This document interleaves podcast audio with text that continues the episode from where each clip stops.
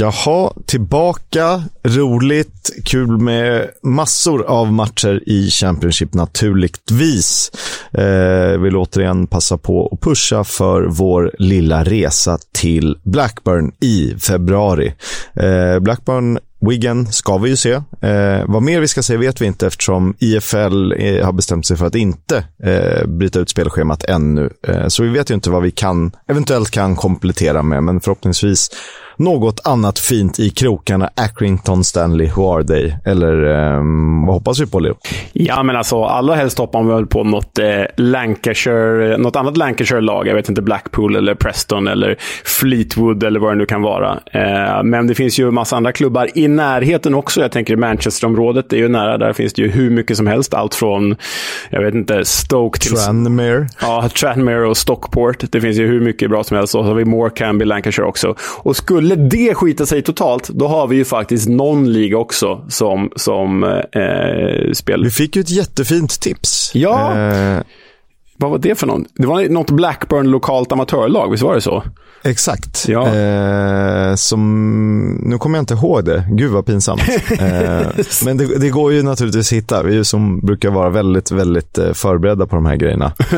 eh, Black and Hill eller vad hette de? Ja, ah, det var något i den. Det var på söndagen i alla fall. En riktig så här, amatörfotboll i lokala, lokala amatörlaget i Blackburn eh, på, på söndagen där. Och det vore ju förträffligt fint det också. Jag menar, allt från Blackpool eh, via Stockport till det känns ju som bra alternativ för oss. Så länge man kan ta en puckapaj och en pint där till så är i alla fall jag nöjd. Jag tror att du är det med. Eh, mycket nöjd. Jag drömmer ju lite om eh, Blackpool gör jag ju faktiskt. Ja, men du, det, finns ju, det pratade vi om häromdagen. Det finns ju inget som säger att vi inte tar en avstickare till Blackpool över en halv dag bara för att se stället. Och badar. Kanske, ja. Obligatoriskt bad. nu, Mill Hill FC möter Ewood Blues. Det är lite av ett eh, toppmöte då. då eh, Säljer de tröjor eller? Då är, då är jag med. ja, jag vill ha pins. Ja, ja, jävlar. Nej, men så här ja, det finns nog få saker jag ser mer fram emot än det här nästa år. Och det är ju så nära. Det är ju 4 februari. Den helgen drar ju vi med eh, några av våra kära lyssnare som redan har bokat eh, till, till Ewood Park. Och det blir ju industriella revolutionen. Och vi ska gå omkring på Ewood Park. Vi ska kolla på Blackburn mot, mot liksom Kolo Touré som ny Wigan-tränare också. Så bara det är ju en grej. Och så ska vi Alltså den, den fighten, Jon Dahl Tomasson, Kolo Touré. ja, det blir, det, blir, det blir faktiskt riktigt frejdigt. Och så ska vi ju spela in podd och så ska vi ha lite quiz. Nej, och bara dricka pints tillsammans. Så hörni, gå in på nickes.com och eller på våra sociala medier och eh, anmäl intresse för den här resan. För vi kommer åka med eller utan er och det är klart det är roligare om ni är med. Naturligtvis. Eh, sen är det väldigt roligt att eh, våra kära samarbetspartners i Stryktipset väljer att vara med oss även nästa år, vilket betyder att eh, de gör den här podden möjlig även 2023 och eh, otroligt glädjande för det här är det, det, roligaste jag har gjort i eh, arbetsväg. Ja, det, och då har man gjort mycket roliga saker. Men det här, det här är en av dem, det är en pallplats. jo, det här är bland det roliga. Nej, men så här, det är superskönt att vi kan andas ut för hela 2023. Att vi vet att podden lever hela 2023. Så tack för det, våra kära samarbetspartners.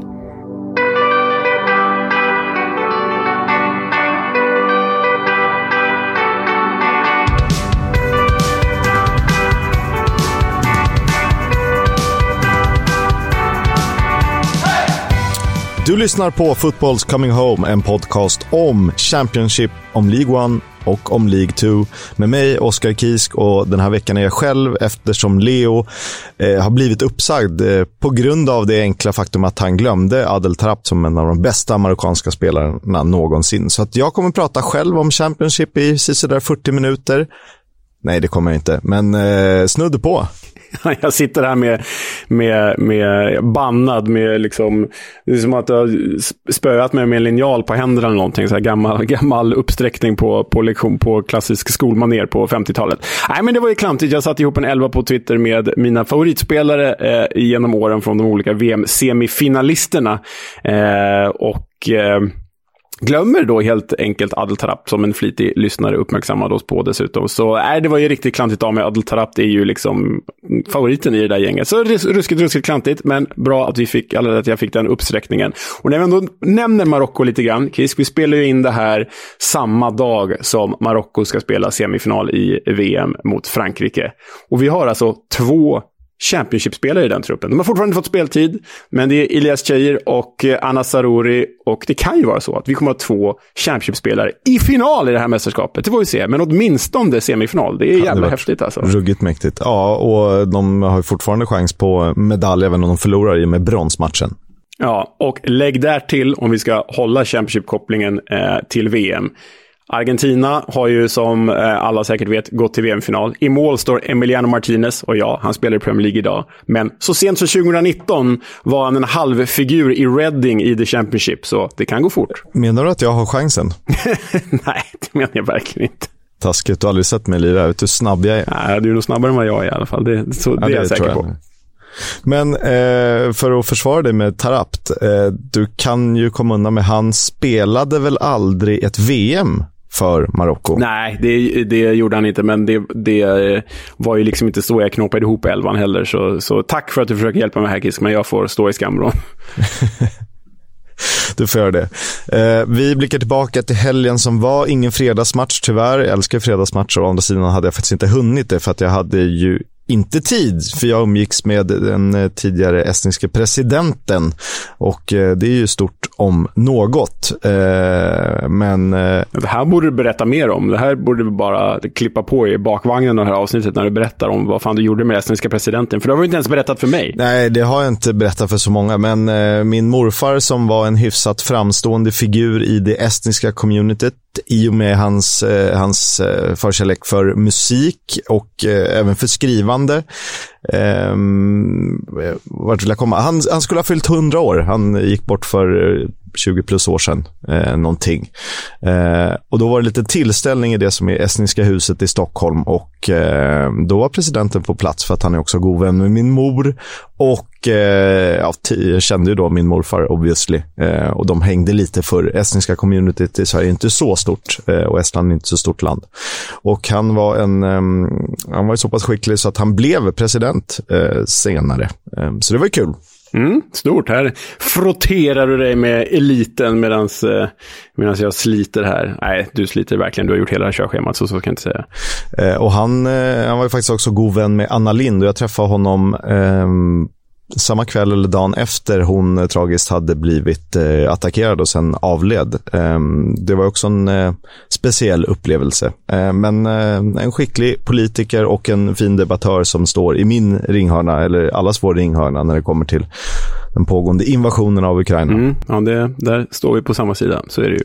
Det gör man. Eh, men nu har vi fastnat eh, lite för länge i det och ska åka tillbaka till Lancashire för att eh, jag tittade på delar av matchen mellan Blackburn och Preston North End.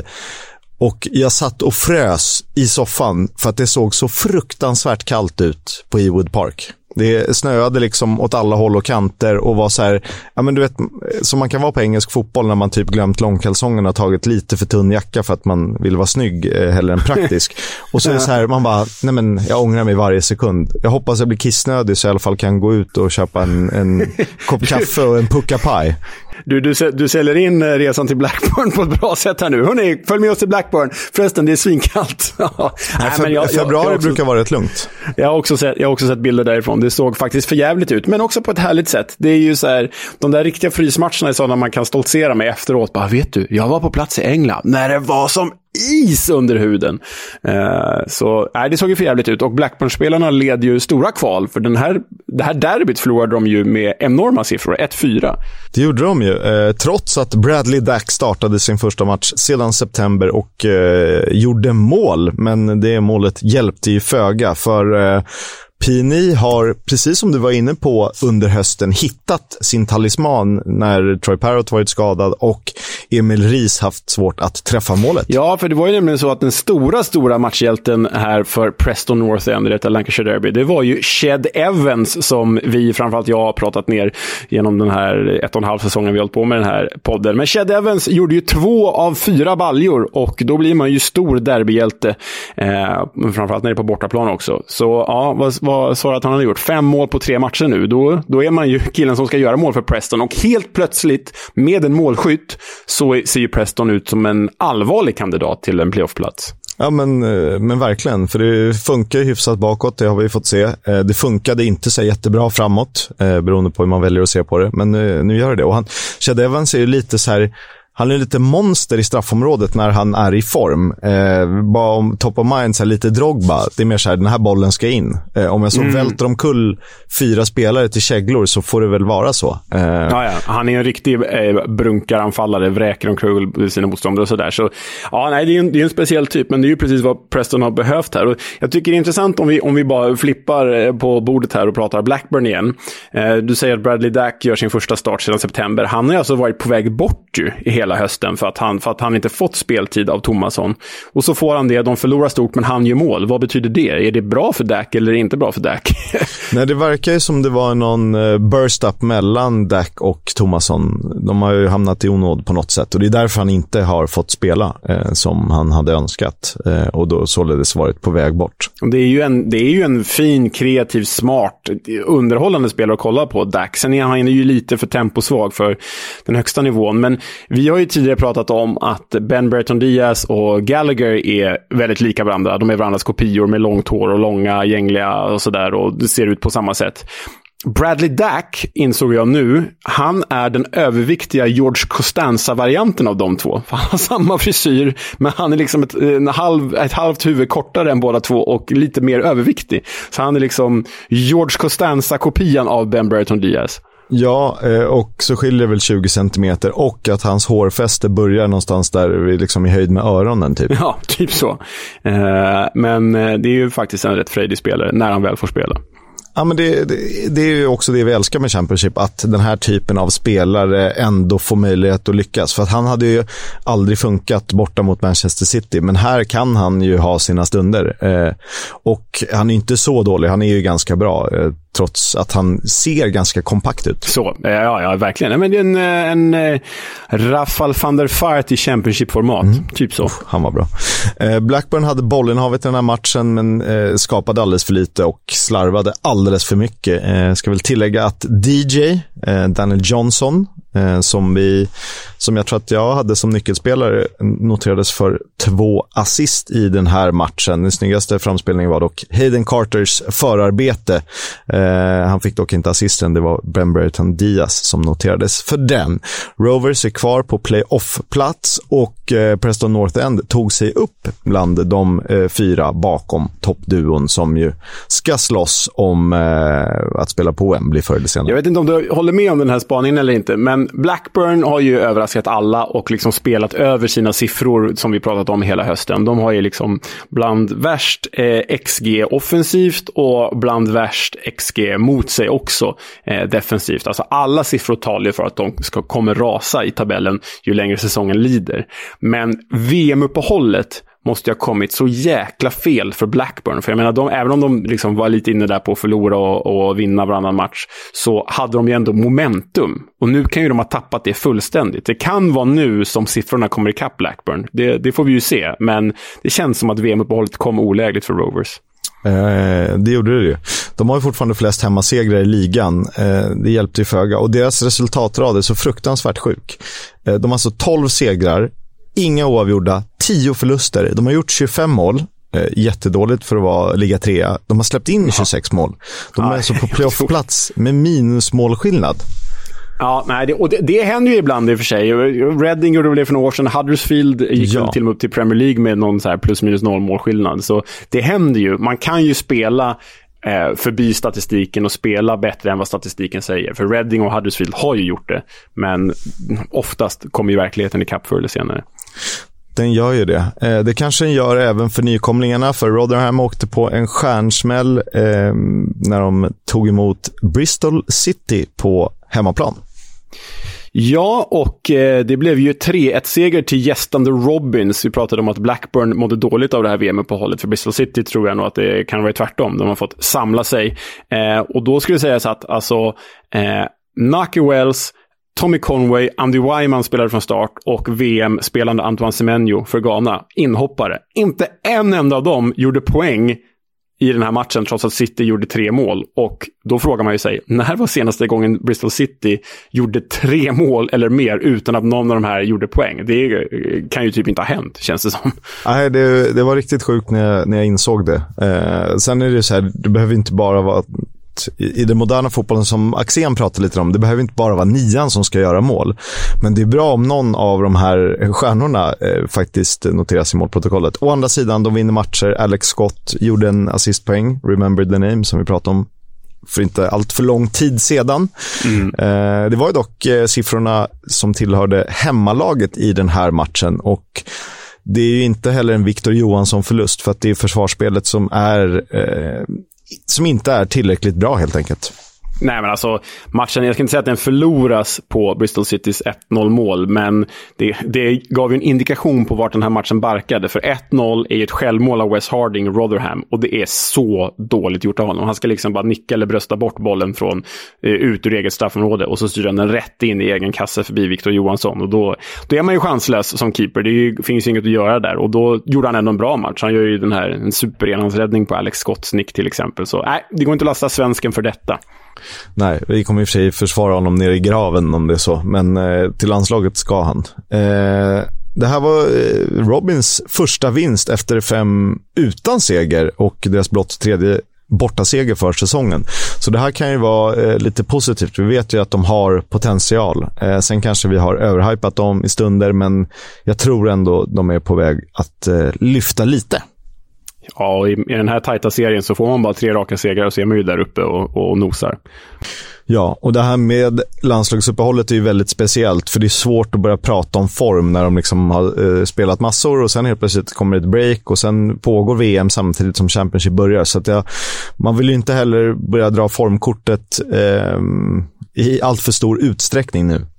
Nej, Eh, ett lag som vi aldrig kommer att bli riktigt kloka på, det är Reading som ju vägrar ge upp hoppet om en playoffplats. Och eh, de ser ut att vara på hyfsad väg för att de tog en eh, fin, fin Victoria hemma mot tidigare formstarka Coventry. Ja, 1-0 och jag vet inte, Coventry har väl kanske drabbats av de svåra omständigheterna runt klubben. Har ju, vi kommer ju prata mer om det senare i det här avsnittet, men de har ju fått en ny ägare som vi varit inne på eh, eh tidigare och det är ju bra, men de har ju riskerar ju att eh, få flytta från sin hemmaarena, vilket är dåligt. Men trots det så var ju faktiskt Coventry det bättre laget här. Alltså tittar man bara på höjdpunkterna från den här matchen så kliar man sig i huvudet och undrar hur Coventry inte kunde vinna den här matchen med 2-3-0. Eh, men eh, Joe Lumley gjorde för en gångs skull en riktigt bra match, får man väl säga, i Reading-kassen och Victor Gyökeres hade väl inte skärpan helt inställd när Coventry spelade i sina discoaktiga bortatröjor. Istället stor hjälte för Reading, Amadou Bengue, som ju gör ett eh, ja, men klassmål, får man väl ändå säga. Det får man säga. Och eh, så vitt jag kan se är det hans första eh, mål på seniornivå. Den senegalesiska försvararen eh, tidigare Mets eh, flyttade till England i somras och det är hans första mål i England då också obviously. Eh, kul såklart.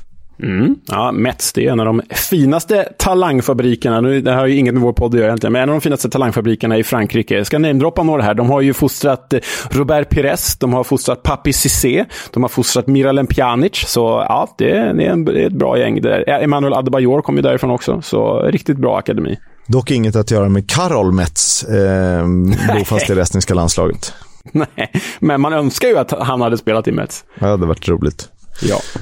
Eh, vi är tillbaka till Lancashire där Blackpool drabbade samman med Birmingham. Det blev mållöst och det var chanssnålt när eh, den här matchen noterades få totalt ett skott på mål under hela matchen. Det var Birmingham som hade det. Ja, och eh, Birmingham är ju en eh, tryggare pjäs än vad Blackpool är i det här läget. Så om någon ska va, sägas vara nära segern så var det ju Birmingham. Det är ju faktiskt Mark Roberts som är ända inne i målområdet med en jättechans. Även Tai Chong eh, hade ju eh, ett, en stolpträff. Eh, så Birmingham närmar segern. Blackpool ser eh, inte jättebra ut kvar under strecket. Sen är det ju tajt och det är tätt, men det känns som att eh, tränarutnämningen av Michael Appleton kanske inte var den bästa. För truppen tycker jag finns där för att hålla sig kvar, men jag vet inte tusan om Appleton är rätt man för att leda The Seasiders. Eh, nu kan man ju få äta upp det här i, i mars eller någonting, men av bottentrion Huddersfield, Blackpool och Wigan så känns ju Blackpool den som är i sämst slag just nu, även om de lyckades eh, snå åt sig en poäng i den här matchen de eh, nästan att, ja du vet, Rotherham skulle kunna rasa, men så att Stoke, Cardiff och Hull har ändå tillräckligt med kvalitet eh, för att eh, greja det. Ja, ja absolut. Jag, och som, som jag sa, jag tycker att Blackpools trupp är rätt bra. Det finns många spännande spelare i Jerry Yates och Marvin Ekpeteta. och och Corbiano och eh, Patino. Alltså det är många spännande spelare här. Jag menar, tittar man på Blackpool nu i deras trupp i nuläget så finns det ju många Remember the Name bara. Vi skulle kunna göra tre Remember the Name bara baserat på deras trupp. Och det säger ju någonting. Men att inte kunna förädla det eh, som Neil Critchley gjorde så suveränt förra säsongen. Det, det tycker jag går under Michael Appletons eh, eh, svaghet här. Och vi vet ju att Blackpool med den nya ägaren, eller ny, relativt nya ägaren, det är ett långsiktigt projekt. Så jag tror inte att de kommer skeppa Appleton bara för att det går lite sämre. De kan till och med vara beredda att åka ner League One med honom. Men vill de överleva den här säsongen så tror jag att de bör kanske titta på andra tränarnamn. Fan vad jag alltid pratar om att byta tränare hela tiden. Jag har ju faktiskt bevisat att det inte ger någon effekt att byta tränare. Ja, exakt. De hade ju kunnat plocka Neil Critchley. Ja, men eh, det får vi anledning att prata om också, för det, han känns som att han verkligen har hamnat i, i rätt klubb. Eh, men det återkommer vi till. Nej, Blackpool, jag håller med dig. Det känns som sämsta laget just nu, för att de inte borde vara det. Eh, lite så är det. Så har de ju åtminstone förra säsongen, den lägsta budgeten i serien. Så att eh, det talar i sitt tydliga språk. Det kostar att ligga på topp och så vidare. Eh, Birmingham hade dessutom två bollar in i den här matchen, dock båda offside. Så att eh, det räknas ju såklart inte. Men eh, Blues närmst segern eh, uppe i nordväst. Jajamän. Eh, Luton tog ledningen eh, hemma, eller borta mot Middlesbrough och eh, jag tyckte det var lite VM-tempo, men sen eh, tog det fart och det hände ju allt möjligt i den här matchen. Ja, det blev ett jäkla ös och det ska ju sägas att eh, även om Jordan Clark gav Luton ledningen så lyckades svängde det fram och tillbaka eh, i den här matchen. Och det var ju förstås Shuba... Helvete, nu ser jag... Leo är, Leo är så allergisk mot Shuba Akpom. Ja, oh, jävlar. Eh, ska försöka säga det igen. Det var ju förstås Shuba Akpom som kvitterade för hemmalaget eh, på Riverside bara fem minuter efter Lutons ledningsmål. Och Shuba Akpom är ju därmed uppe i delad skytteligaledning. Han har alltså gjort nio mål på 15 matcher. De andra har ju typ gjort nio mål på 18-19 matcher eller något sånt där. Eh, så han är ju väldigt gott slag och har ju mått väldigt bra av att Carrick blev eh, ny tränare för det här gänget. Verkligen. Det är ju en pånyttfödd spelare. Eh, och sen eh, otur för Luton som fick Amari Bell utvisad efter två gula kort. Eh, det var väl inte så mycket att snacka om det andra som eh, resulterade i, i utvisningen. Då. Eh, och sen, eh, om, som om inte det räckte, så sköt ju eller, Matt Crooks tre poäng till Borough på stopptid, vilket innebär fem förlustfria matcher under Carrick i följd. Ja, riktigt läckert mål också. Så här, framnickad på samma sätt som, som Fredrik Ljungberg blev av Marcus Albeck mot Paraguay i VM 2006. Ja, bra, eh, bra mål där, Middlesbrough. Middlesbrough kommer med fart in i, i den här våren. Jag gillar ju verkligen Matt Crooks, för att det är lite, eh, kanske inte den innermittfältare du är van att se. Det är samma med, vad heter han, eh, John Russell i Huddersfield. Alltså så stor, reslig karaktär eh, som liksom äger. Du, man tänker sig kanske mer en Pirlo-kroppshydda eller en, en Kanté. Snabb och kvick och löser det. Ja, men typ en, en Sian Fleming fast lite längre ner i planen liksom. Ja. Eh, ja, jag Matt håller med honom också. Ja. Eh, Millwall brukar vara starka på The Den. De fick dock bara en poäng när nykomlingen Wigan gästade. Ja, och Wigan gästade ju med sin nya tränare. Första matchen för Kolo Touré. Eh, många eh, har, ju, har jag sett på sociala medier gjort sig lustiga över den här tränarutnämningen. Och det är väl lätt att göra sig lustig över Kolo Touré, givet, givet att han var en en försvarare med en misstagsbenägen försvarare, även om han spelade på den absolut högsta nivån. Men eh, eh det ska ju sägas att Kolo Touré har ju liksom varit assisterande till Brendan Rodgers nu i Leicester och i Celtic och har ju liksom fått väldigt goda eh, vitsord från Brendan Rodgers, vad det nu är värt. Men jag tror att Kolo 3 kan vara bra för Wigan och det blev ju faktiskt poäng här direkt då när de grejar 1-1 borta mot Millwall. Ja, och de eh, tog ledningen genom såklart Will Keane, eh, som inte är uppe i skytteligatopp trots en, en rad herrar där uppe. Han är strax bakom. Eh, det var dock Millwall som hade chanserna, men eh, Wigan hade flyt på ledningsmålet. Det var ju... Eh, den studsade ju Wiggins väg så gott det gick hela tiden. Mm, ja, men det kan, man ju, det kan man ju lugnt säga. Sen var ju kvitteringsmålet från just Sian Fleming desto mer elegant. Han är jävligt elegant den här eh, holländaren. Alltså det, det är ju liksom Bradshaw bröstar ner bollen till Fleming som, som vad, vad, är det på, är det volley eller halvvolley han liksom prickar in bollen på? Jag är ganska säker på att det är volley. Ja, det är fan riktigt snyggt alltså. Sian Fleming är en jäkla superspelare. Jag, jag blir förvånad om han inte spelar i Premier League till, till nästa höst, med eller utan Millwall om vi säger så. Eh, det tror jag också. Han är, alltså, no offense, Pi och alla ni andra som håller på Millwall och lyssnar på den här podden. Han är ju lite för bra för det här på något sätt. Mm, ja, men det, det är, han, är han verkligen. Men vi har ju honom kvar så långt det går, för sådana här snygga mål vill vi se hela tiden. Och sen då, vi pratade ju om det alldeles nyss, men bounce-effekt för Wiggen. Blir det en långsiktig förbättring här eller blir det bara en kortsiktig? Det får vi se, men eh, poäng direkt i alla fall för Kolo Touré. Skönt att ta det i en av seriens svåraste bortamatcher. Verkligen. Eh, Sheffield United tog tre starka pinnar hemma mot Huddersfield och det var ju såklart, nej, inte NDI eller McBurney, det var ju Billy Sharp eh, som drygar ut ledningen i maratonskytteligan. Han har väl gjort 129 fullträffar i Championship nu. Han är åtta före Jordan Rhodes. Det var väl lite typiskt att han fick göra det målet mot just Jordan Rhodes också, eftersom att Jordan Rhodes spelar i Huddersfield. Men det är ju kul att se Billy Sharp tillbaka från start. Alltså, han är ju inte lika bra som han har varit tidigare år. Han blir ju, mm, han blir ju äldre och mer sliten och har haft sina skadeproblem. Men det finns få saker som gläder mig mer än att se honom starta och näta för The Blades. Ehm, och också den här kontrasten, jag vet inte om du tänkte på den VM-kontrasten. Här har man sett Illiman Ndiaye liksom spela hyfsat bra i VM och sätta något lite halvt avtryck där för Senegal och i så här soliga, soliga Qatar. Nu sprang han runt på ett jävla regnigt och blött Bramall Lane i december. Det, det gör något med mig med, när det är bara två veckors eh, intervall mellan de matcherna. Så nej, det, det, det hade något tyckte jag. Du peggade upp för att såga Championship längs fotknölarna helt och hållet där. Att säga, åh, han spelar VM och nu kommer han till Championship, denna skitbrunkarliga. Nej, vi Nej. älskar ju Championship. Det är kontrasten jag älskar det här ju. Och hur fint är inte hans förarbete då? Det är här man ser att han... Eh, jag kan ångra lite att vi inte hade med honom i säsongens elva, för att han hamnar väl precis utanför. Men han är ju typ seriens bästa spelare kanske. Högsta höjden just nu under hösten? Ja, ja, det är väl han och Sian Fleming typ. Uh, ja, nej, men det är kul att se att han är, är, kommer tillbaka i gott slag och förhoppningsvis stannar våren ut med The Blades. Och jättefint avslut av Sharp också naturligtvis. Uh, och det var lite här min poäng kring liksom, att Blackpool ser dåliga ut. Huddersfield hade de varit i harmoni, hade det varit positiva tongångar som var förra säsongen och en XG-tabell som är till ens fördel, så tror jag att de hade löst en poäng här. För de hade chanser.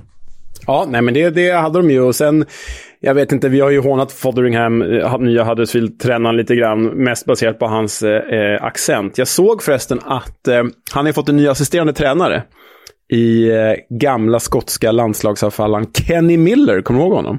Ja, ja. Som eh, Kenny Miller som var både i Rangers och Celtic, va? Eh, han var definitivt i Rangers. Han kanske var i Celtic också. Han... Eller blandade ihop det med någon annan som gick, eh, som var i båda klubbarna. Ja, han kanske var i, bör vi kolla upp här. Men... Han har varit i båda klubbarna. Han har varit i båda. Han var i Wolves var han var med, med engelska mått. Hibs och sen var han i Rangers. Sen gick han till Premier League och spelade ganska länge för Wolves, eller i England i alla fall. Eh, sen Celtic Och så Derby, så Rangers. Och så hann han med en liten sejour i Bursaspor och Cardiff och Vancouver Whitecaps. Och så Rangers igen. Fyra säsonger, jag gjorde massa mål. Ja, och sen, sen är det här är så här, den skotska eh, fotbollsresan.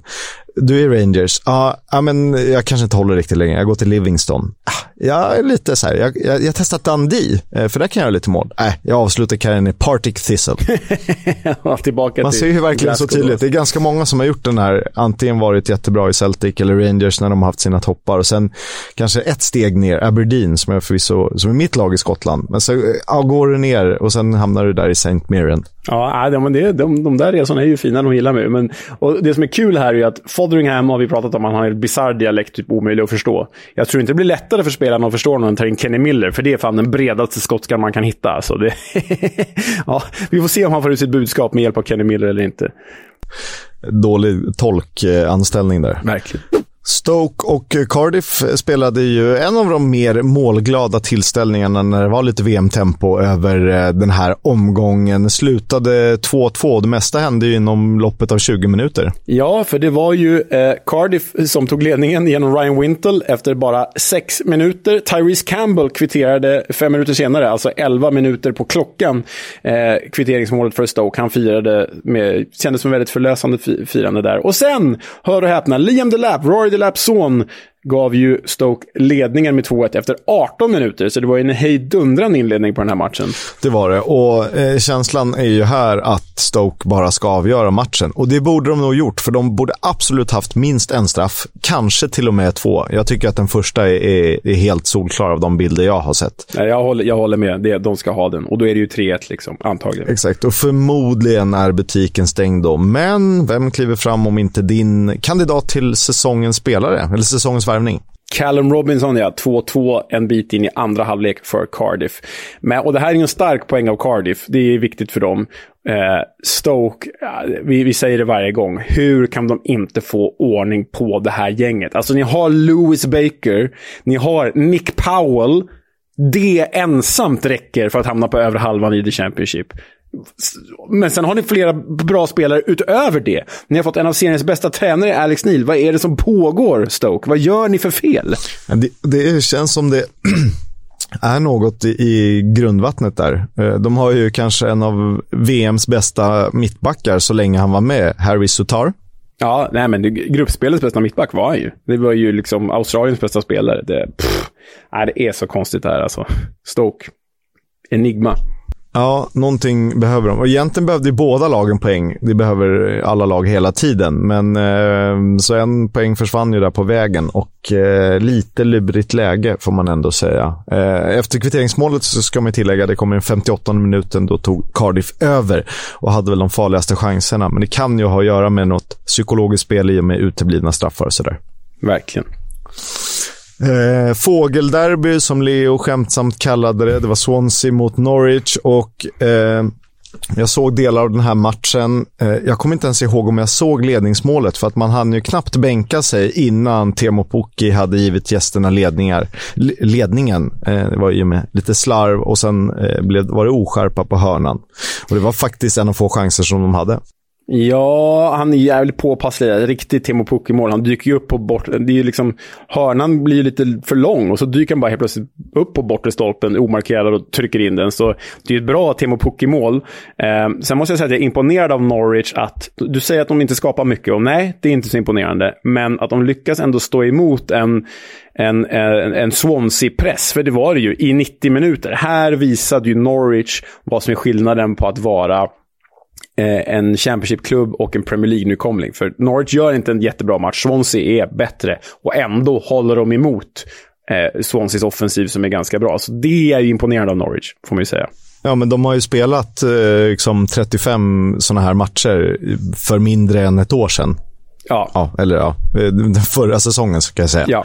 Eh, så de vet ju hur man, hur man spelar sig ur den typen av situationer som man sätter sig Men eh, det är ju också det här med Swansea. De är inte tillräckligt bra och de behöver bli bättre i fler matcher och mer effektiva. Hade Joel Perreault och Michael Obafemi varit i samma slag som förra säsongen. För jag menar, laget Swansea är ju mycket bättre den här säsongen än i fjol. Mycket, mycket bättre. Men, skulle, men de behöver ju en målskytt liksom. Nu, det är nu Perreault och Obafemi ska funka, för då är de ju då är de till och med bättre än sexa. Då är de kanske till och med förbi Norwich i tabellen. Ja, men förra säsongen var det ju eh, ingenting som funkade eh, spelmässigt. Visst, de hade bollinnehav, men man kunde inte nyttja det. Och så ha, kunde man förlita sig på att en Jamie Patterson var jättebra i vissa matcher, alltså typ bäst i världen bra.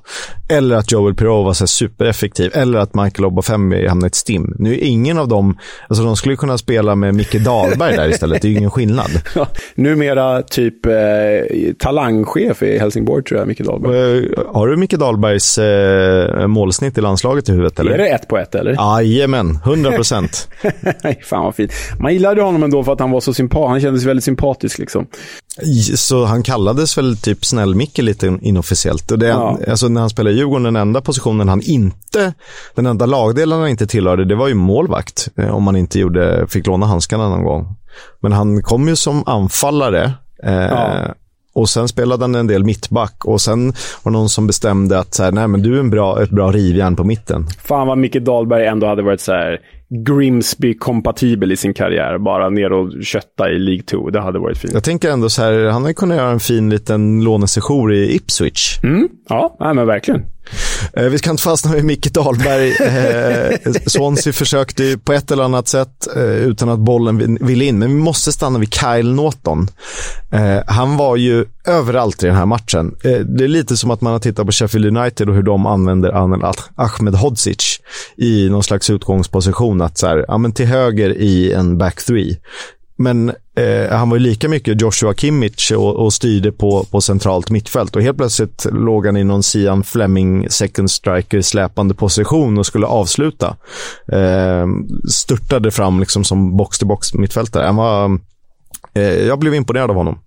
För... Ja, det, det, det, är många, det är stora superlativ du öser över honom här, men, men jag, också, jag, läst, jag såg ju inte den här matchen, men jag har läst rapporter om att han faktiskt var eh, Swanseas bästa spelare. Han gör ju en bra säsong. Det är ju det är här Swansea är bra i år. Deras backar är bra i år. Till och med Lotte Bodier är bra i år. Liksom. Så, ja, de har verkligen vänt på det, men, men eh, kul. Hoppas det fortsätter åt det hållet för Norton. För det var ju kul när eh, han värvades till Tottenham en gång i tiden. Både han och Kyle Walker eh, kom ju från Sheffield United. Eh, men Kyle Walker var bättre, så Kyle Norton fick vikariera som vänsterback i ja, kupper och eh, Europaturneringar. Just det, just det. Så var det med det. Eh, det var lördagens sista match. Det spelades två på söndagen också. Den första mellan QPR och Burnley. Här dök jag in i 45 minuten, alltså precis i slutet av eh, första halvlek och det gjorde jag ju rätt i. Ja, ja men eh, det kan man väl lugnt säga, för eh, eh, det var ju en, en trevlig match, vad jag har förstått, och eh, dessutom en rejäl uppvisning av Burnley. Och första målet av islänningen, islänningen Johan Berg Gudmundsson, det är ju en riktig frisparkspärla. Det är det, eh, och eh, den är ju slagen eh, Egentligen borde han ju slå den i, i det vänstra hörnet, om vi säger då, vad som blir målvaktens högra. Men han sätter den i, han skruvar in den i målvaktens hörn. Lite oväntat, men med väldig kraft och en bra curl på den där. Så att den är naturligtvis svårplockad. Ja, nej men, nej, men det är det ju. Men det jag tyckte var speciellt med det eh, målet också, det var ju faktiskt firandet. För Johan Berg Gudmundsson har ju i inledningen av säsongen på grund av skada och sådär varit eh, eh, utanför elvan ganska mycket. Och så har han kommit in på slutet här eh, och gjort det bra, eh, får man ju säga. Men hans firande, det är att han dundrar ut till bänken efter det här frisparkspärlan liksom, han tappar inte fattningen som Anders Svensson 2002, utan han dundrar ut till bänken, springer rakt upp till Vincent kompani och bara kramar om honom. Det är firandet och det säger ju någonting om vilken effekt kompani har haft på, på det här gänget. Ja, men eh, gruppen verkar älska honom och det är klart att det är lättare att älska en tränare när man leder serien, men det är också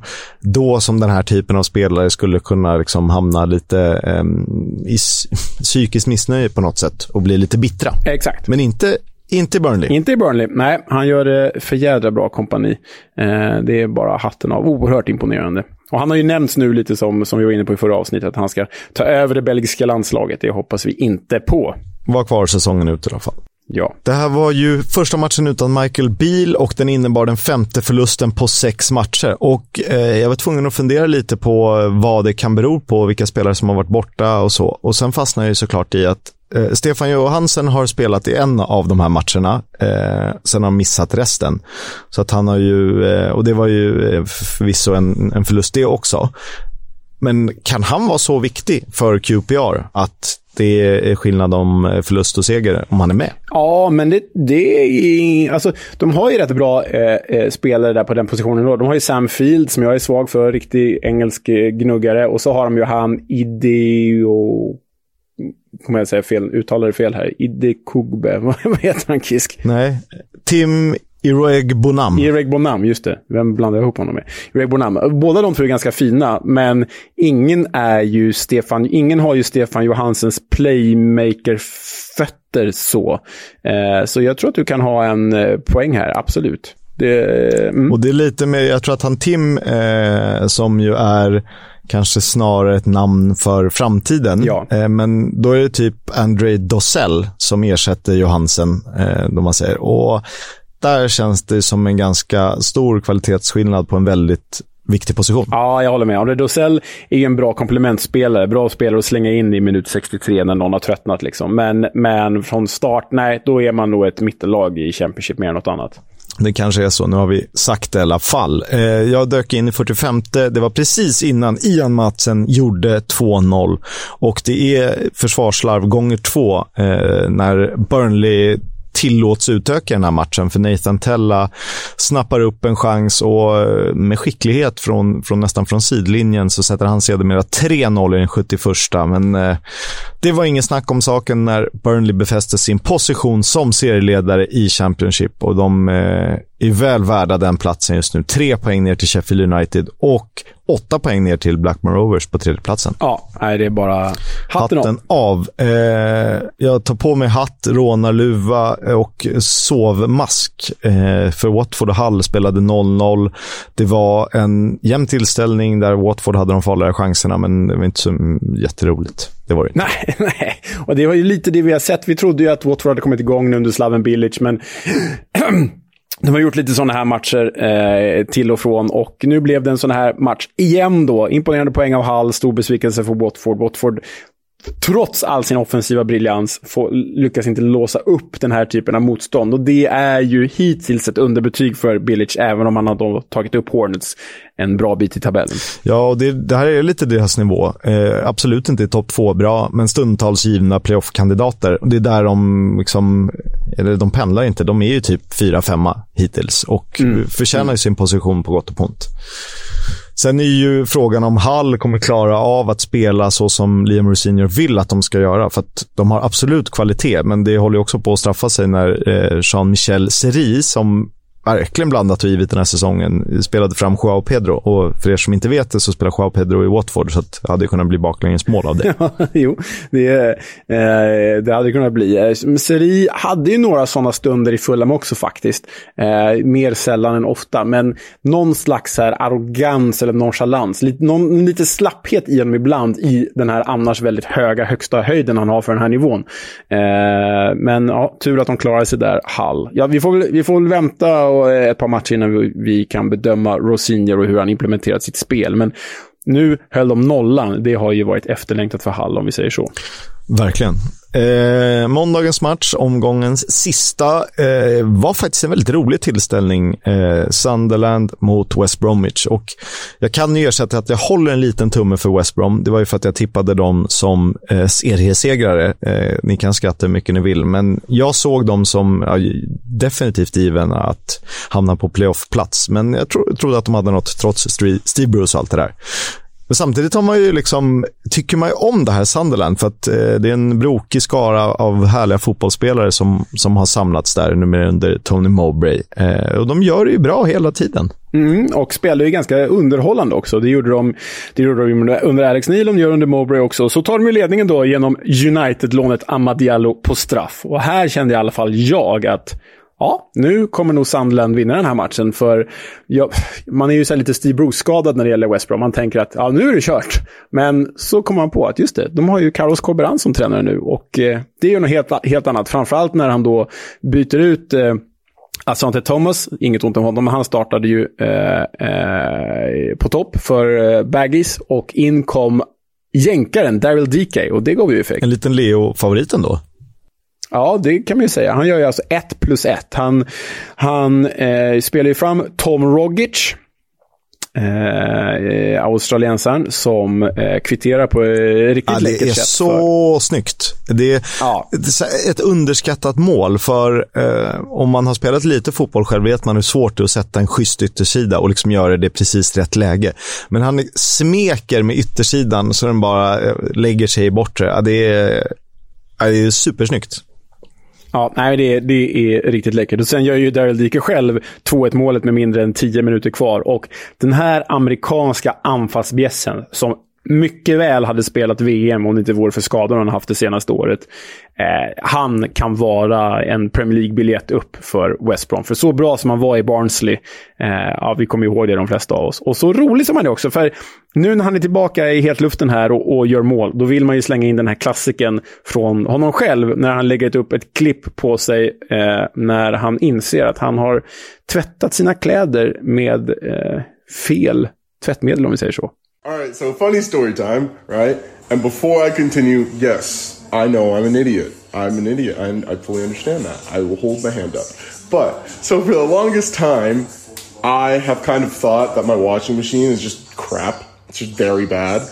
But anyways, when I came into this apartment, I bought like one of those huge bags of uh, laundry detergent, you know, to wash all my clothes. So recently it went up. So I went to the store because I was like, oh, okay, I got to go buy some more. And I'm looking at the bag and I can't find the bag anywhere in the store. And I'm sitting there like, why can't I find it? Why can't I find it? So I come back home to my to my apartment, right? And I look down at the bag I have. This is what I've been using. I have been washing my clothes with dishwasher soap since I've been here. I have lived in England for eight months. I'm an idiot. How do I even do that? Han verkar ju vara en eh, superskön karaktär också. Ja, nej men verkligen. All, all, eh, vi vill bara ha mer Daryl Dike. Mer Daryl Dike till folket. Låt det gå bra för honom. Nu kör vi. Ja, och fördelen att ha Daryl Dike är att du också kan använda en sån som Carlan Grant med sin snabbhet eh, på en kant kanske, eller ja, Diangana. Eh, och får in Tom Rogic i form så har du ju helt plötsligt ett väldigt spännande centralt eh, mittfält som redan är bra med Molambi och Jokoslo och allt vad det är. Ja, nej men det, han har ju satt, Corbran har ju satt spelarna på rätt positioner. Erik Peters spelade ju länge ytterback i sin karriär, men nu är han ju gammal och slö.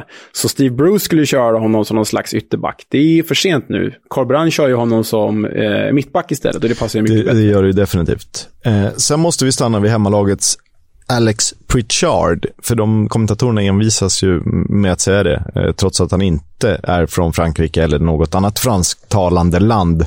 Så vitt jag vet, han kanske har några förfäder som, som kom från Belgien eller sådär. Men eh, vi, vi, ska också hitta klipp på när de säger Pritchard. Pritchard. Eh, men hans spelstil, eh, och nu jämförde jag ju eh, en annan spelare med, eh, jag har jämfört folk med Drogba och, och allt vad det är, och Joshua Kimmich och Kyle Norton. Men om man bortser från nivån, bara spelstil. Alltså när Luka Modric var som bäst för ett gäng år sedan, inte helt olik i spelstilen och rörelsemönster. Inga övriga jämförelser. Nej, men jag håller med. Det är samma typ av spelare. Lite, lite så här kort. Låg tyngdpunkt, Låg tyngdpunkt. slår lite sköna yttersidor, vrider och vänder. Ja, absolut. Kanske att han ligger lite, lite, lite, lite längre fram i banan än Modric. Men, men knappt. Och det är ju verkligen så här, tunn spelare, ändå stark i kroppen. Ja, jag, jag förstår vad du säger. Det är absolut inte, alltså han är ju sju nivåer ifrån Modric, men det är samma spelstil, absolut. Och båda tillhörde ju faktiskt Tottenham under samma tid, så att det kanske var där han tog någon slags eh, inspiration. Ja, så kan det vara. Eh, är det hans smeknamn? The Orset Modric. Bra, den ska vi lansera. Den ska vi lansera. Eh, jag fastnade för en grej när jag kollade på den här matchen. Lite så här, hur gick det under Alex Neil under säsongen och han fick ju bara sex matcher, eller ledde bara laget sex matcher, så det kanske är för lite statistik att luta sig på. Eh, sen tog ju Tony Mowbray över, men lite också hur det har gått i Stoke sen. Så här då, eh, med Alex Neil, så två segrar, två avgjorda, två förluster. Eh, 1,33 poäng per match. Med Tony Mowbray, 16 matcher inklusive den här, sex segrar, fyra oavgjorda, sex förluster. 1,375 poäng per match. Knapp förändring, det vill säga knapp förbättring. Eh, det kan ju ha att göra med att Neil satte ett tydligt system som spelarna lider till och Tony Mowbray eh, bara förvaltat arvet på något sätt. Ska vi säga att Tony Mowbray inte haft Ross Stewart tillgänglig en enda match. Det kan ju ge mer utdelning längre fram. Exakt, eh, det är en av punkterna jag kommer till. Han är en riktigt bra manager som då alltså både kan bygga eh, i Blackburn, ganska små medel, och dessutom förvalta, som nu i Sunderland. Och han har ju höjt snittet, om än bara något, och dessutom på fler matcher, trots stora skadeproblem. Han hade ju Ellis Sims och Ross Stewart borta stora delar av den här perioden. Ja, eller Simpson har bara haft det i tre, fyra matcher typ. Så ja, det finns nog mer, från, mer att ta och ge från både Mowbray och Sunderland. Det tror jag att du har rätt i. För sen startar de den här matchen med både Jack Clark och Patrick Roberts som ju på den här nivån är två eh, väldigt härliga offensiva krafter att ha i sitt lag. Eh, så att eh, härligt eh, sätt att kunna rotera. Och sen Alex Neely Stoke då. 16 matcher, 5 segrar, 4 oavgjorda, 7 förluster, 1,875 poäng per match. Eh, ja, det är för dåligt. Det är för dåligt. Ja. Men eh, återigen, eh, Stoke vill man inte gå till om man Nej. inte vill att karriären ska dana. Så är det. Det var eh, omgången. Eh, nu ska vi titta till skytteligan, för den är eh, helt fantastiskt intressant. Det är alltså tio spelare som delar skytteligaledningen med nio fullträffar var. Det är ju helt sanslöst. Kan, det vara så? det, det, så kan Tio det, det spelare? Helt, det är helt sjukt. Och då är det typ så här, har Jerry Yates som ligger där, har han typ gjort mål på fem omgångar? Nej, det vet fan. Så han kom, Nej, det har han inte. Han kom ju dit ganska fort. Um, men de som står ut här är väl då också Shuba Akpom och Sian Fleming som båda har spelat färre matcher eh, än alla andra. Och Sian Fleming spelar dessutom inte ens anfallare. Så de två är väl de största utropstecknen här, får vi väl säga. Ja, och sen har du Will Keane och Carlton Morris på åtta mål som, och Oscar Stupinan och han har ju inte gjort mål sen liksom, Dackefejden. så att, eh, många härliga karaktärer här, men det måste ju vara historiskt. Ja. Vet du vem som har gjort flest poäng per 90 minuter då? Ja, det vet du om du kollar körschemat. Ja, jag kollar körschemat, så eh, jag gissar mig till att det är Benson Manuel i Burnley. Ja, nej, för, nej det är Manuel Benson i Burnley. Ah, okej. Okay. Varför har alltid fel på de två? Ja. ja. Han har alltså en poäng per match. Det är helt sinnessjukt ju. Ja, det är jätte, jättebra. Ja. Eh, ja, Akpom är tvåa, eh, 0,86 och sen eh, delad tredje plats då McBurney och eh, Callum Robinson. Jag sa ju det, Callum Robinson, pangvärvning. Eh, jättebra, jättebra. Jag ser inte emot. Men han är inte bästa värvningen. Eh, vi har lovat att bli bättre på League One. Vi tar en snabb titt, tycker jag. Eh, det spelades ju ett friendly derby, ett Paul Pesky Solido derby, eller ett El Nigel Classico, Eh, kalla det vad ni vill. Mm, när Burton, eller The Brewers, mötte Derby. Eh, det är kul när Derby spelar derby. Eh, det ligger bara två mil mellan städerna här och eh, man kan väl så här, det här är ju klassiskt lillebror-storebrorsmöte där Darby inte bryr sig ett skit om Burton, men för Burton är det här hela världen, typ. Eh, ja, och det här är ju det här är ett vänskaps, inte ett vänskapsderby, men det ses som ett vänligt derby för att ja, de har inte mötts så ofta. Nej, eh, exakt. Det finns ju faktiskt, Eh, det här borde vi göra i något avsnitt, det finns ju faktiskt Swedish Brewers, tror jag de heter, som är en samling göteborgare som åker till Burton typ en gång om året och går på Burton för att de bara bestämde sig någon gång när Burton låg i i typ National League att nu ska vi heja på ett engelskt lag. Och så blev det Burton och så lyckades de tajma hela klubbens eh, resa upp under Nigel Clough och vem det nu mer var som tränade. Så de fick ju till och med Championship-fotboll med sig Burton. De tajmade jävligt bra. Men det är ju... Eh, jag tror att eh, han och jag har kontakt på Twitter. Honom borde vi bjuda in någon gång. För det är ju en, det är en, en eh, speciellt att hålla på Burton passionerat. Eh, naturligtvis. Det är ju bara två mil mellan de här städerna, så att, eh, där blir allra högsta grad. Eh, det var den fina ex-Luton-striken, gammal favorit James Collins, som gjorde sitt sjunde mål för säsongen när han gav Derby-ledningen. Ja, och eh, Burton kvitterade sen ju genom Victor Adebayo. Det är ju misstänkt lik Luton-anfallaren. Elijah Adebayo. Exakt. Victor Adebayo spelade ju i... Bar jävligt härligt att säga, Victor Adebayo. Eh, han spelade i Barnsley förra säsongen. gick ju inte jättebra. Nu gjorde han sitt tionde denna säsong, vilket är ju starka siffror i Burton. Starka papper för honom, såklart. Eh, den andra matchen vi väljer att blicka mot är ju Ipswich Town mot Peterborough. Eh, någon slags kampen om East England ändå, i och med att eh, Norwich spelar i en högre division. Ja, i alla fall i, precis så. Eh, och eh, Ipswich vann ju med 2-1, tog ju därmed över serieledningen från Victor Hedmans Plymouth. Eh, Connor Chaplin blev matchvinnare med bägge målen för The Tractor Boys. Och det här var fjärde raka förlusten för Porsche som eh, det enda de kan förlita sig på det är ju att eh, Johnson Clark Harris gör mål. Och de har ju nästan Blackburn-statistik. Tio segrar, en oavgjord, tio förluster. Eh, så något är fel i grundvattnet där också. Ja, överallt är det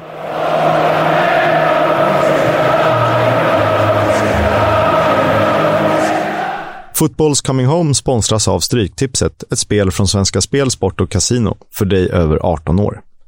Eh, viktigt att tillägga att den här podden spelas in onsdag morgon. Kupongen öppnas upp för spel torsdag 07.00. Men en match jag ser fram emot i helgen, det är Burnley-Middlesbrough. Och det var ett tag sedan Borough besegrade Burnley, närmare bestämt sju år sedan. Eh, därefter har klubbarna bara mötts fyra gånger. Eh, två Claret-segrar, två kryss. Och tittar man till nutid så eh, har vi faktiskt ett möte mellan två av seriens mest formstarka lag. Ettan mot fyran i den tabellen. Burnley har tagit 15 poäng på de sex senaste och gästande Borough har 4-2-0 i sin resultatrad. Eh, Kompanis Clarets börjar alltmer se ut som det Fulham som gjorde rent hus förra säsongen med eh, flest gjorda mål över en rad målskyttar. Det är Rodriguez, det är Brownhill, det är Nathan Tella med flera, med flera. Och inte ska de väl tappa poäng här. Leo, vad ser du fram emot i helgen? Ja, nej, men jag ser väl fram emot mycket. Bland annat ser jag fram emot fredagens match. Jag gillar ju de här fredagskvällsfighterna när man kan sitta hemma och ha nattat barnen och sådär. Det är Birmingham City mot Reading. Det låter ju för jävla tråkigt på pappret, men jag vet att det kommer bli så fruktansvärt härligt. Ska inte svära som jag gjorde där, jag ska sluta med det, förlåt. Men det kommer bli eh, fruktansvärt härligt att se den här eventuella 0-0-matchen och bara mysa med lite julmust eh, framför den. Eh, sen har vi då lördagsmatcherna och vilken står ut mest där? Jo, jag är faktiskt faktiskt mest intresserad av Preston North End mot Queens Park Rangers. Dels för att PNI eh, eh, kan ha hittat form och för att QPR måste hitta densamma. Och QPR har ju fått in Neil Critchley som tränare, vilket eh, jag i alla fall är jätte, jättesugen på.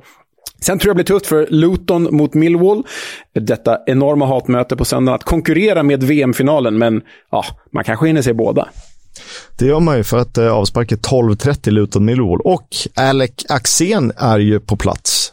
Mm, det Bara en sån sak. Sjuk. Ja. För vill man ju leta upp honom i tv-bilderna från Kenilworth Road. Så är det. Glöm inte måndagsmatch, Wigan-Sheffield United. Coventry kommer att spela matchen mot Swansea på lördag hemma på CBS Arena eftersom eh, man har nått ett kortfristigt avtal med arenaägaren, det vill säga Mike Ashley, denna galning till eh, ägare av olika saker. Som vi sa alldeles nyss, Neil Critchley, denna fantastiska manager som spås en stor framtid inom yrket, som många Liverpool-supportrar är sugna på eh, som efterträdare till Klopp en, framöver. Han har ju tagit över Queens Park Rangers, tre och ett halvt års långt kontrakt för 44-åringen som fick lämna Aston Villa som assisterande i oktober. Hade ju Blackpool förra säsongen. Detta känns som ytterligare ett bra tränarval av QPR. Om man har tålamod, vill säga. Vår gamla vän Joel Mumbongo spelar sedan sommaren med Tranmere Rovers i League 2 och gjorde i helgen sitt första framträdande för laget sedan augusti. Eh, han är dock mållös sedan november 2021, så vi hoppas på bättring för svensken. Tidigare höjdhoppstalang, vill jag minnas. Sunderland vill givetvis behålla The Loch Ness Drogba, Ross Stewart. Men de kan tvingas sälja sin stjärnanfallare. Middlesbrough har nämligen följt honom under en tid. Hans kontrakt eh, går ju säsongen ut, men det finns en option på förlängning, så vi får se var han hamnar. Detsamma är lite oklart med Ben Berton Diaz. Eh, Tomasson medger att han trivs väldigt bra i Blackburn Rovers, men att det kan bli svårt att behålla honom på sikt i och med att hans kontrakt ju också löper ut i sommar. Men det hade varit skönt att slippa bli av med honom i januari. Å andra sidan eh, kanske han själv inte heller vill det, utan vill spela klart säsongen. Men då får ju Blackburn exakt noll kronor och de om några behöver få in pengar. Å andra sidan, och tredje hållet och fjärde hållet så gör de inte av med pengar, så att eh, gud vet vad. Kenny McLean har förlängt sitt kontrakt med Norwich till 2025. Lite speciell kontraktskrivning med en spelare som är över 30 bast kan jag tycka. Eh, skotska Rangers jagar honom dock, skotte som han är, och han är inte oäven för en flytt till Ibrox. Han har ju förflutet i Aberdeen och St. Mirren sedan tidigare. Leeds uppges vara nära att knyta till sig den centrala mittfältaren George Hall från Birmingham City i januari. Underskattad karaktär. Ja, verkligen. Wout Weghorst som gjorde VMs coolaste mål. Ni vet Nederländernas frispark, frisparksvariant mot Argentina i typ 90-12 minuten. 90 minuten. Det är bra eh, barnuttryck, 90-12. 90-12 minuten. Han var ju flopp i Burnley, men gör det ruskigt bra i Turkiet och i landslaget. Det, han har en utköpsklausul om 10 miljoner euro och är ju på lån i Besiktas säsongen ut. Vi får se om han kan återvända till Burnley eller om han hamnar någon annanstans. Och nu Kisk, då har det blivit dags för Remember the Name igen. Segmentet där vi eh, spanar extra på en talang som återfinns i The Championship. Det kan vara en eh, ung eh, spelare som faktiskt ägs av eh, klubben som en eh, ja, men Alex Scott i Bristol City eller en Job Bellingham i Birmingham. Men det kan också vara en inlånad yngling från Premier League och där ska vi landa idag. För vi ska nämligen fokusera på Chelseas och då Burnleys Ian Matsen. Ja, eh, och vi satt ju och, och, skrev lite med varandra om vem vi skulle välja och eh, i precis samma sekund så gjorde Ian Matsen 2-0 borta mot QPR. Och det var väl så att säga klubban i bordet eh, som ordförande och då sa vi, ja men det är klart det blir Matsen. Och tanken är väl att vi sätter en gräns på spelare som är 21 eller yngre. Um, för visst, det finns jättespännande 23-åringar, men det ska vara något exceptionellt. För det är ändå spelare som folk kanske aldrig har hört talas om, men som vi ändå eh, tittar på vecka ut och vecka in. Precis, och eh, jag tänker att eh, det här kanske blir ett segment där vi mer och mer kommer titta på, på spelare som är inlånade från de större klubbarna. För vi vet att det finns många lyssnare där ute som, som älskar The Championship, men också som har en Premier League-klubb som de följer nära. Det, det, precis som du och jag alltså? Ja, precis som du och jag. Och det, då, där, det, jag har ju fått många önskemål om att liksom, eh, fokusera på just de här spelarna som faktiskt eh, kan spela i Premier League om ett eller två år, eh, givet deras moderklubb. Så ja, take it away, Jan Matsen. Jan Matsen är född i Flardingen i Sydholland beläget i sydvästra Nederländerna. Eh, I provinsen ligger också landets näst största stad, Rotterdam, som ju för vissa är fotbollshuvudstaden i Nederländerna. Det var ju också i Rotterdams stolthet Feyenoord som Ian Matsen testade lyckan som junior innan han fick höra att han var för liten för att spela seniorfotboll.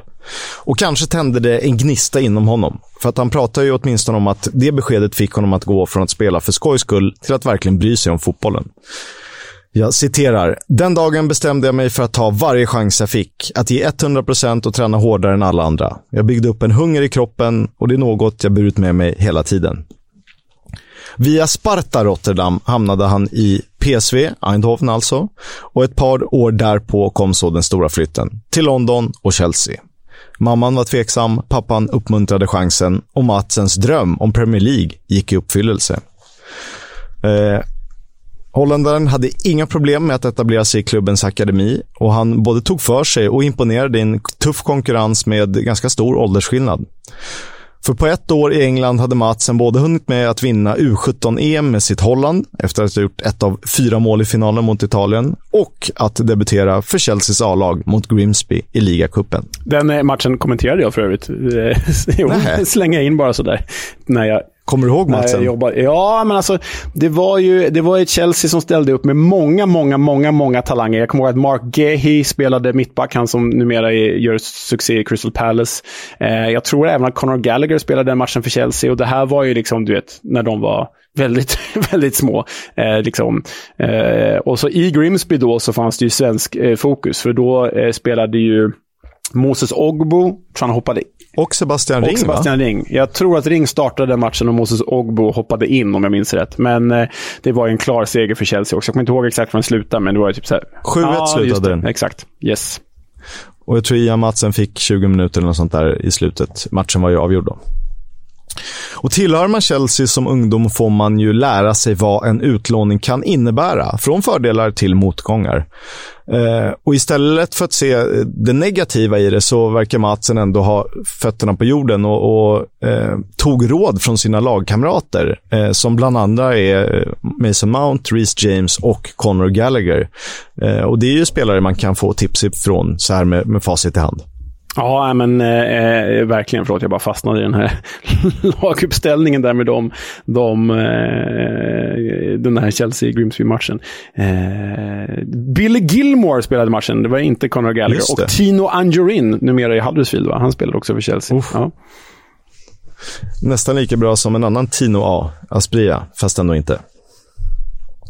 Det började med en säsong i Charlton i League One och ett mål på 34 matcher. Eh, majoriteten som ytter, winger på engelska alltså. Men i eh, Addix, precis som innan och efter, visade han sin skicklighet som användbar på flera positioner. Från ytterback till striker och även på centralt mittfält om så krävs. Säsongen därpå, alltså 2021-2022, höjdes nivån när Matsen lånades ut till Coventry i Championship. En klart godkänd säsong. Under säsongsinledningen ofta som vänsterback, men efter nyår mer winger eller vänstermittfältare. Tre mål och en målgivande passning är inte jätteimponerande, men å andra sidan gjorde bara tre spelare fler mål i Sky Blues den gångna säsongen. Och han får ju alltjämt ses som ung. För under en ännu bättre manager i ett än mer välfungerande bygge har han växlat upp. Ordinarie vänsterback i serieledande Burnley. Två fullträffar och fyra assist. Bara Brownhill har gjort fler i Burnley. Och det är bara Richard Wood och Anel Ahmedhodzic som har gjort fler poäng per minut av försvararna i serien. Så det här är en spelare att hålla koll på. Framtiden i Chelsea är som för väldigt många andra väldigt oviss. Men om Burnley tar sig upp till Premier League känns Ian Matsen absolut redo. Vi kan väl lyssna till vad Vincent Company har att säga om Matsen. I think I was more nervous than him before the game by all looks. We do need that that calmness. Um, again, the goal is is a good thing, but he stayed on his feet. I don't think he was one on the once to the ground, won all his duels, um, and and and that's a good sign because for such a young fullback to do to do that in the championship, you know, I, I understand why. You know why he had such a good season last season, and um, he's going to give us a lot. Snart i Premier League, alltså. Kanske, eller? Jo, men känslan är väl liksom... Han kommer inte slå sig in i Chelsea och peta Chilwell eller Kukureya på, inom något års framtid. Men går Burnley upp så är jag helt övertygad om att de löser matchen på ett eller annat sätt. Och så kommer han säkert göra succé i Premier League i, i Burnley och då vet vi vad som händer sen. Då kanske han hamnar i Chelsea ändå igen, eller så hamnar han i, jag vet inte, Manchester City när kompani har tagit över dem. Så den här killen har en stor framtid för sig. Det har han. Han känns, eh, han känns redan redo för uppdraget. We'll have a chat about the fucking game. About your game, last few months, last few weeks. Fucking character. Den här veckan blir det ett ganska långt klipp, men eh, jag vågar ändå lova att det är värt det. Eh, och vi går lite utanför Warnock och Championship, men det är ändå fokus på, på tränare och den riktiga eh, gamla klassiska engelska fotbollen. För Steve Howie, som är född i Sunderland, men, men med mer än ett decennium som spelare i Newcastle. Efter det i Man City, i Leicester och i Bolton. Jag tror också han var i Hartlepool. Han gästade podden, där var ett tag sedan, Under the Kosh eh, och berättade om olika upplevelser under sina managers. Eh, den här delen utspelar sig under Osvald, Osvaldo Ardiles. Eh, många som håller på Spurs eh, kommer ihåg honom. Eh, han hade också en mindre lyckad sejour som manager i Magpies innan Kevin Keegan tog över och gjorde storråd. Och eh, det här är ju en fantastisk berättelse om när de skulle spela eh, en, en, övning på träningen som är 11 mot 0 för att eh, visa upp olika scenarier på planen och eh, ibland går det inte riktigt som man hade tänkt sig. About not so long ago we had a training session under under uh, Oz, uh, under Aussie and it was basically it's, it's called shadow play. You probably know what it is. It's it's, it's basically he picks his 11 that's going to start on the Saturday or, or through the week, um, which is which it was then pretty much your goalkeeper of four, four, and a two. Uh, You've got a full size pitch. You're playing against nobody, and um, you take the kick off. And what the the emphasis of the of the session is is basically just try and get get some goals and then come back and start again. So the, the two centre forwards take the kick off. They pass it back to the midfield player. He's supposed to spread it left or right. The winger goes down the wing. The fullback goes around him, overlaps. You play him in. He crosses it. Two centre forwards are in there with a midfield player at the edge of the box, or the winger comes in with the side. That's all you've got to do. Put it in the empty net, walk back, go the other side. So Aussie has set us up in exactly the same way. So there was me and um, there was a lad up front at that particular time. He's called Andy Hunt. We've took the kick off, passed it back to Lee Clark. Lee Clark's passed it back to Kevin Scott. Again, we're playing backwards and we should be going forwards because we ain't playing anybody. Kevin Scott gives it to Steve Watson, who's right back, and Steve Watson turns round and passes it back to Tommy Wright, who's in goal. Tommy Wright was putting his gloves on in the back of the net. The ball goes in the goal. We're getting beat 1 0. We ain't playing any fucker. And we were going through a really bad time at the time, and you could just see Ozzy just rocking with his hand, he's in his hands, and he's going, "Fucking hell, boys, we're shit, man." we're getting beat one 0 and we ain't playing anybody. That's how bad it was. Ja, det, det, är- det är en jävla berättelse det där. En jävla berättelse där, Kisk, och med, med härlig distans till det också. 11 mot 0 släpper ändå in mål, det gillar man ju. Då, då har inte riktigt eh, den där eh, övningen fungerat. Nej, tycker du? Nej, det är jättebra. Det är ganska eh, roligt det här om man, vill, om man gillar Newcastle. kan man kolla hela det här klippet. Det var typ en och en halv timme, någon eh, eh, videopodd, intervju-grej med Steve Howe. Mm, rekommenderas. Det var allt för idag. Vi klockar in på dryga timmen. Det är ju fantastiskt. Ja, alltså jag kände det Kiss, jag vet inte om du kände samma sak här, men jävlar vad jag har saknat att sitta och surra de här matcherna. Alltså.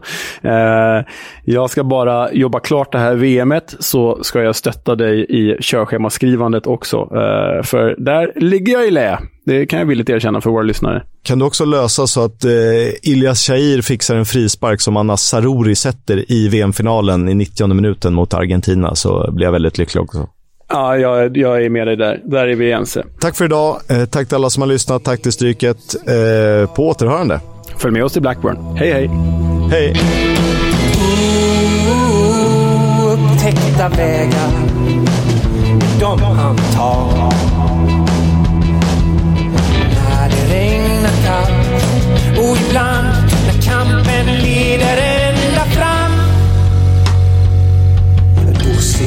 people love.